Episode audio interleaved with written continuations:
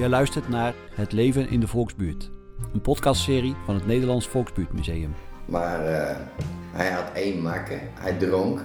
Waren liefjes. En je Ja. kon je touwtje uit de deur hangen. In deze serie staat de rijke geschiedenis van de Utrechtse volkswijken en hun bewoners centraal. En ik zat eh, op school in de Jaffa-buurt, zoals dat heette.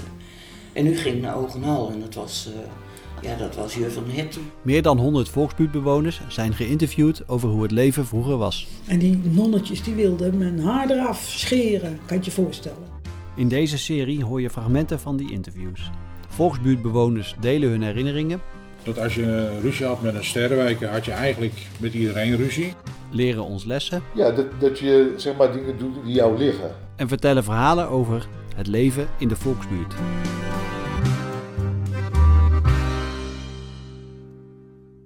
Aflevering 3. Mijn moeder was mijn oma, mijn tante was mijn moeder. In deze aflevering luisteren we naar Willem Knoop, die door Bo van het Volksbuurtmuseum wordt geïnterviewd over zijn jeugd, waarin niet alles bleek te zijn zoals het leek. Dit is het interview met Willem Knoop. Eh, ik ben Bo Thuis en ik ben in Sterrenwijk en we gaan beginnen. Waar en wanneer ben je geboren? Ik ben hier geboren in de Zenuwstraat, de oude Zenuwstraat nummer 18. En waarschijnlijk op deze plek, als ik het eh, goed bekeken heb. Eh, ik ben opgevoed bij mijn oma. Tot mijn 18e jaar heb ik bij mijn oma gezeten.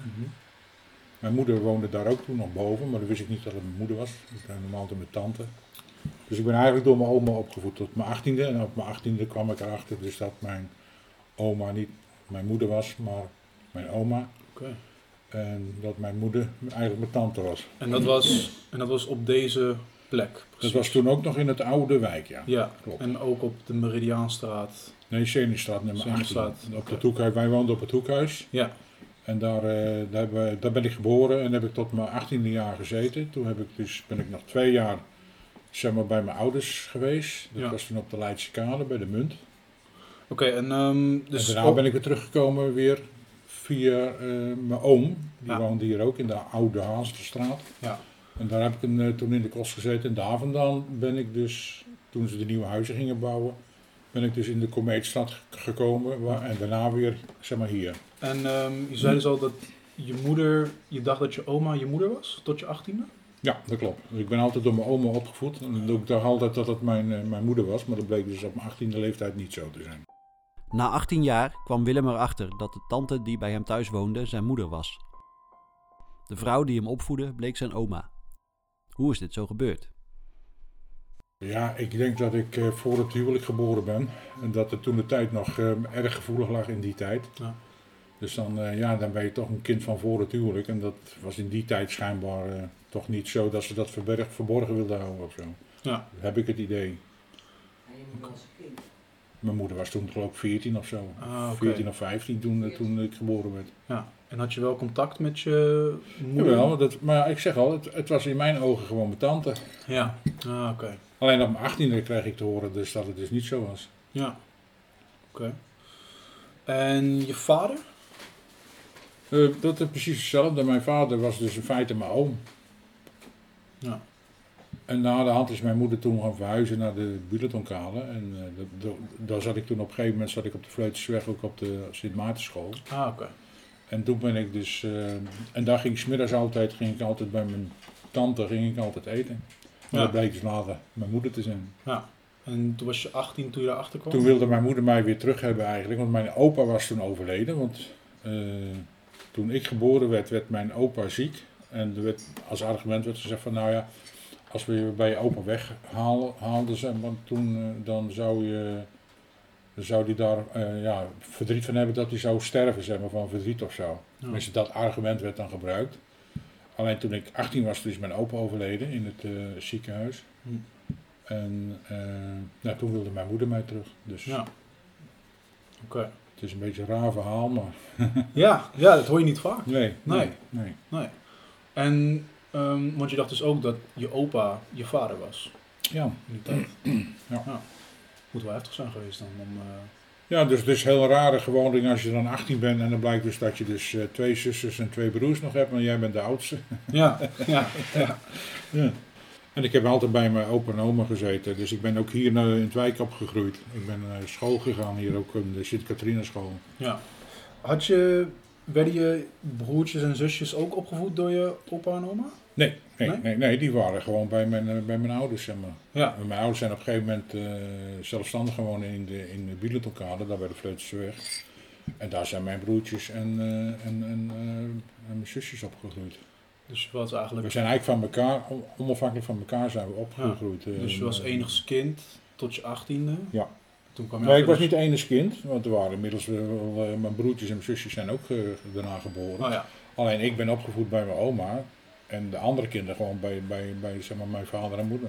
ja, maar je wist niet dat je ze had. Ik wist niet dat ik tussen broers en zusters zat. Ja. Daar kwam ik dus op mijn achttiende pas achter. Ja. Hoe was dat? Ja, raar. Ze hebben mij toen ook, eh, ik wou het ook niet accepteren hoor, want ik, ik zat toen op een gegeven moment, toen, en ik weet nog wel, toen ben ik naar boven naar mijn kamer gegaan. En eh, ja, mijn moeder wilde me hebben, dus eh, ik wou niet. En toen kwam de politie erbij en ik zat, want ik zat met een eh, mes op mijn kamer. Want ik wou dus niet weg bij mijn moeder, hè, want toen was het nog steeds in mijn ogen mijn moeder. Ja. En ze hebben me toen met vijf politieagenten naar beneden moeten brengen. Zo. En tot dan de cel op het paardenveld toen de tijd heb ik gevochten. En, omdat ik niet weg wilde bij mijn oma, wat Ja. in mijn ogen dus mijn moeder was. En de volgende dag was ik weer terug bij mijn oma, want toen lieten ze me weer los. Ja. Dus, En wou je oma je ook niet loslaten? eh, dat weet ik eigenlijk niet. Mijn oma die heeft wel toegestaan dat ik dus zeg maar, weggehaald ben. Maar de volgende dag was ik weer terug. Dus Ja. ja, daar hebben we, het, we hebben het er eigenlijk nooit over gehad. Oké. Het is gewoon een kwestie van, eh, ja oké, het, was, eh, het was even heftig en daarna was ik weer terug. Ik was, ik was weer terug bij mijn moeder, Ja. in mijn ogen dan. Hè. Ja.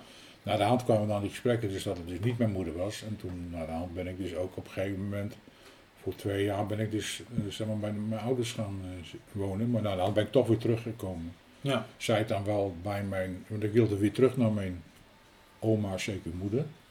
Alleen, ja, ik kreeg geen woonvergunning om daarbij te komen, om mijn oma te verzorgen. Want inmiddels was mijn oma ook eh, een been kwijt, was ook afgezet en zo. Oh god. Dus ze had ze maar een, dus een, is een drie keer, drie keer gebeurd is dat. hè. eerst de teen, toen de enkel en Waar toen tot aan de knie. Eh, die had suiker, maar Ah, dat wist oké. ze zelf niet. En eh, nou, op een gegeven moment had ze zoveel pijn. en ze zei, ja, dan moet je naar de dokter gaan. En ze zei, de dokter, ja, die teen moet eraf. Toen is ze, nee, dat niet toe. Dus ze weggegaan. Ik zei, nou, ze komt vanzelf wel weer terug vanwege de pijn. Mhm. En daar had hij ook wel gelijk in. En toen hebben ze dus in, in, tijd, in, drie, de- in drie operaties hebben ze eigenlijk de been tot dan onder de knie afgezet. God. Ja, en eh, had ze dan een kunstbeen. Maar ja, die gebruikte ze niet. Want Die had ze altijd in de hoek staan. Ik zei, dat is een mooie paraplubak. ja. Maar toen ben ik dus bij mijn oom eh, eh, zeg maar, in de kost gegaan. Ja. En, Dus eigenlijk weer terug in het wijk. ja, Ik ben eigenlijk twee jaar eigenlijk het wijk uit geweest. En toch weer teruggekomen. Hoe was die tijd voor je? Die twee jaar buiten de wijk? Die was beroerd eigenlijk voor mij. Ten eerste omdat ik, eh, ja, ik kwam als oudste broer in één keer bij twee, eh, twee zusjes en twee broertjes. Eh, dat ging niet altijd, altijd even goed. Want Ja. ja, die, die accepteerden dat in het begin niet zo erg. Ja. Dus in het begin was het altijd ja, discussies en ruzies onderling. ja. Je kwam in een gezin met twee broertjes, twee zusjes? zo? Twee broertjes en twee zusjes. Ja. En in één keer was ik de oudste en mijn zusje, we noemden haar altijd de spin. Mhm. Die, die, ja, die accepteerde dat niet. Maar ik had ook altijd ruzie met, eh met hem. Ik Ja. heb altijd alles eh, zelf eh, moeten doen eigenlijk.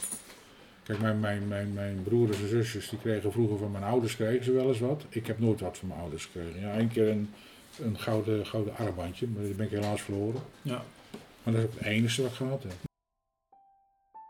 Als je moeder je oma blijkt te zijn en je tante je moeder, is het niet vreemd dat het ook in een gesprek zoveel jaren later soms even zoeken blijft over wie we het nu hebben. Nou, ja, dat soort... eh, En dat was dan, want je hebt het nu over je oom?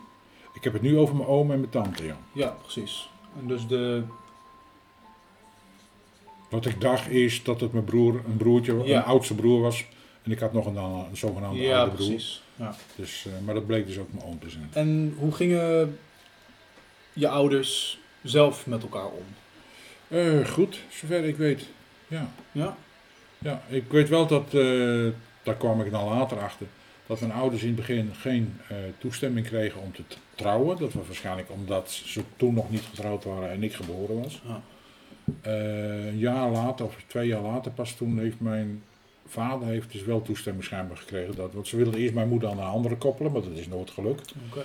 Eh, wat, dat zijn allemaal verhalen die ik naar de hand pas hoorde. En eh, mijn vader heeft ook eh, zelfmoord gepleegd. Tenminste, zelfmoord willen plegen. Die heeft zijn polsen doorgesneden, omdat hij niet met mijn moeder mocht trouwen. Zo. En schijnbaar daarna mocht hij dat schijnbaar weer wel, omdat Ja. hij dat gedaan had, weet ik niet. Ja. Maar dat zijn allemaal verhalen die hoor je, daar was ik zelf niet bij, maar daar kom je later kom je daar gewoon achter. Ja. Is dat dan, lijkt, me, lijkt me best wel heftig om dan zo'n Ja, verhaal te horen ja, over, je, ja, over ja. je ouders? Want ik weet nog wel dat, eh, dat die verhalen hoor je dan ook. Toen mijn ouders gingen trouwen, gingen ze met de bus zeg maar, naar, de, naar, de, naar het stadhuis. En van mijn oma kregen ze toen de tijd als eh, huwelijkscadeau een, brood, een houten broodplank. Dat was in die tijd schijnbaar, ik weet het niet, maar... Maar ze, gingen altijd ze gingen niet met een trouwauto, nee, ze gingen gewoon met de bus er naartoe. De bus. Ja, de stadsbus. Maar dat, ik denk ook dat dat te maken heeft met de armoede die er toen Ja. de tijd in leefde. Willem komt te spreken over zijn jeugdjaren, waarin hij met vriendjes door de stad ging zwerven. Het was altijd met een vast groepje, gingen we altijd eh, Ja. op woensdagmiddag als we vrij waren. Eh, vroeger had je hier ook, nu zijn nu hier de studentenfles, maar dat was toen vroeger was dat een weiland. Ja. En liep de spoorlijn langs. En eh, er was altijd een sport, en we hadden we toen, er liep toen ook een paard. Er was een afgezet hek met een paard en in het midden stond dan zo'n soort eh rioleerput, zo verhoogde zeg maar. Ja. En er was altijd de sport om van de spoorlijn dat veld over te steken, want die hengst kwam altijd achter je aan, dat wisten we. Ja. Eh, en dan moest je dan halverwege moest je dan op die put klimmen, want dan kon er niet bij komen. En dan moest je proberen weer verder te komen. Dat was gewoon een sport geworden. Ja. Alleen dat ging een keertje bijna fout, want toen redden we het niet. En toen stonden we aan de andere kant van het hek. Toen stond hij te stijgeren voor ons. En dus gelukkig hadden we van dat prikkeldraad, eh, zeg maar, waar we tussen stonden, waardoor de, de pa- het paard niet bij ons kon komen. Maar dat was toen de tijd, was dat een sport. En toen, eh, wat we ook deden, was spijkers op de, op de rails leggen. Dus dat je een soort platte spijker kreeg. Een soort, eh, Oh ja. ja. dat was vroeger ook, eh, als, als, als jeugd zijnde. Was Met dat muntjes op de rails en zo. Ja. Nee, wij deden altijd spijkers. Spijkers, Dan had je ja. zo'n platte, zo'n soort lemetje of zo. Oh ja. Hoe, hoe zou je de, de, Het is een beetje een, ja, misschien een grote vraag, maar hoe zou je de tijdsgeest van die tijd eh? Eh, het, was, het was een leuke tijd. ja. Ondanks dat, eh, dat iedereen toch wel armoede had zeg maar, in die tijd. Maar het was een hele andere armoede als nu bijvoorbeeld. Als kind zijnde was het, was het wat een leuke tijd. Ja. Je ging altijd, we gingen veel met elkaar om. Ja. We verzamelden ook op het plein. Er was ook altijd daar verzamelen. En ja, die, die, had ook een buurthuis waar je, waar je allerlei dingen kon doen. Eh, je, kon dat toen ook, je had toen ook een soort figuurzaagclubje waar je dus boten kon bouwen, zeg maar, van die modelboten.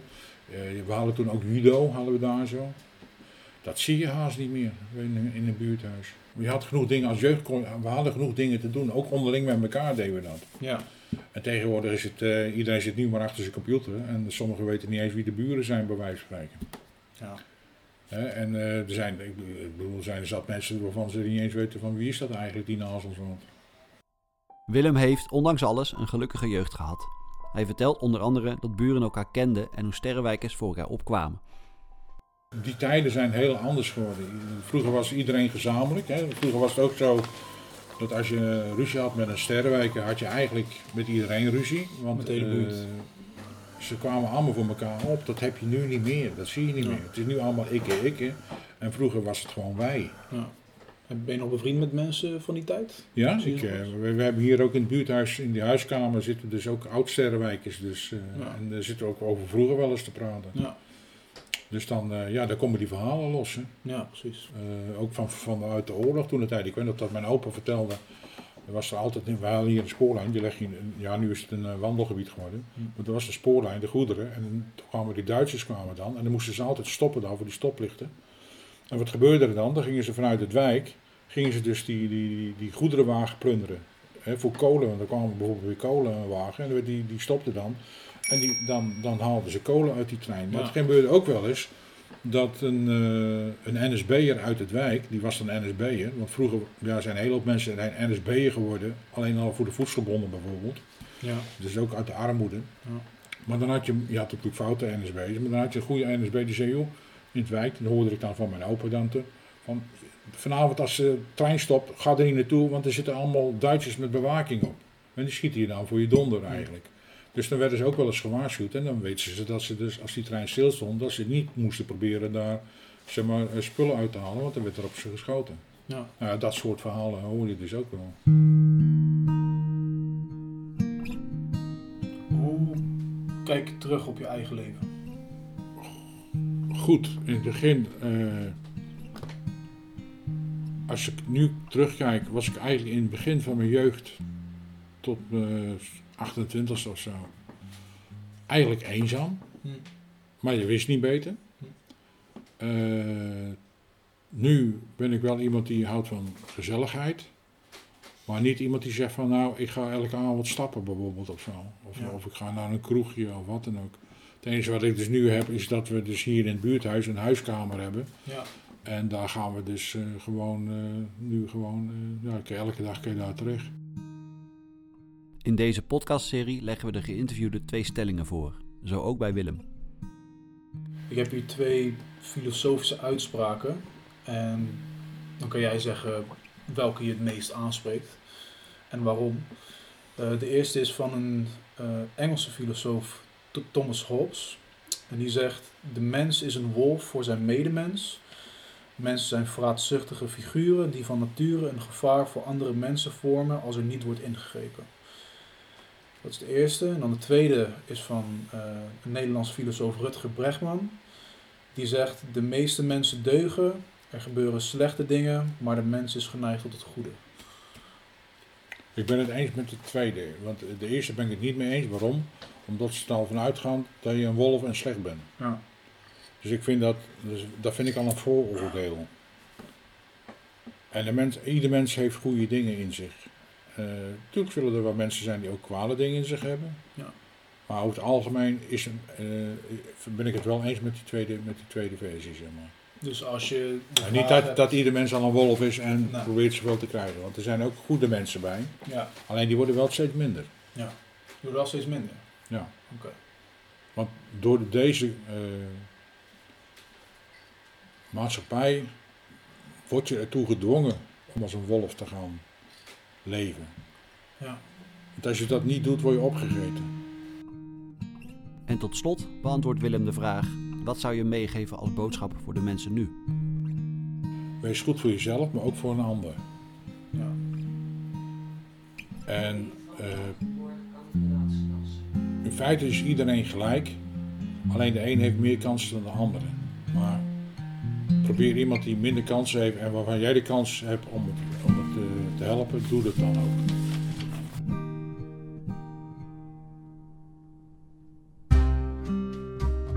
Je hoorde Boot Thuis in gesprek met Willem Knoop. Luister ook aflevering 4. Daarin vertelt Ali van Rooyen over haar jeugd in een groot gezin. De podcastserie Het leven in de Volksbuurt is een productie van het Nederlands Volksbuurtmuseum. Met dank aan Ingeborg Hoonsveld, Bart Verbeek, Jaap Hoeve en de provincie Utrecht. De podcast is gebaseerd op 101 interviews met Volksbuurtbewoners.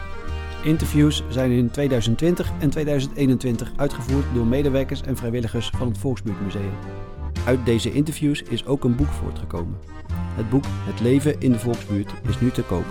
Kijk voor verkooppunten en meer informatie op www.volksbuurtmuseum.nl. En je bent natuurlijk van harte welkom in het Nederlands Volksbuurtmuseum op Waterstraat 27 in Utrecht Centrum.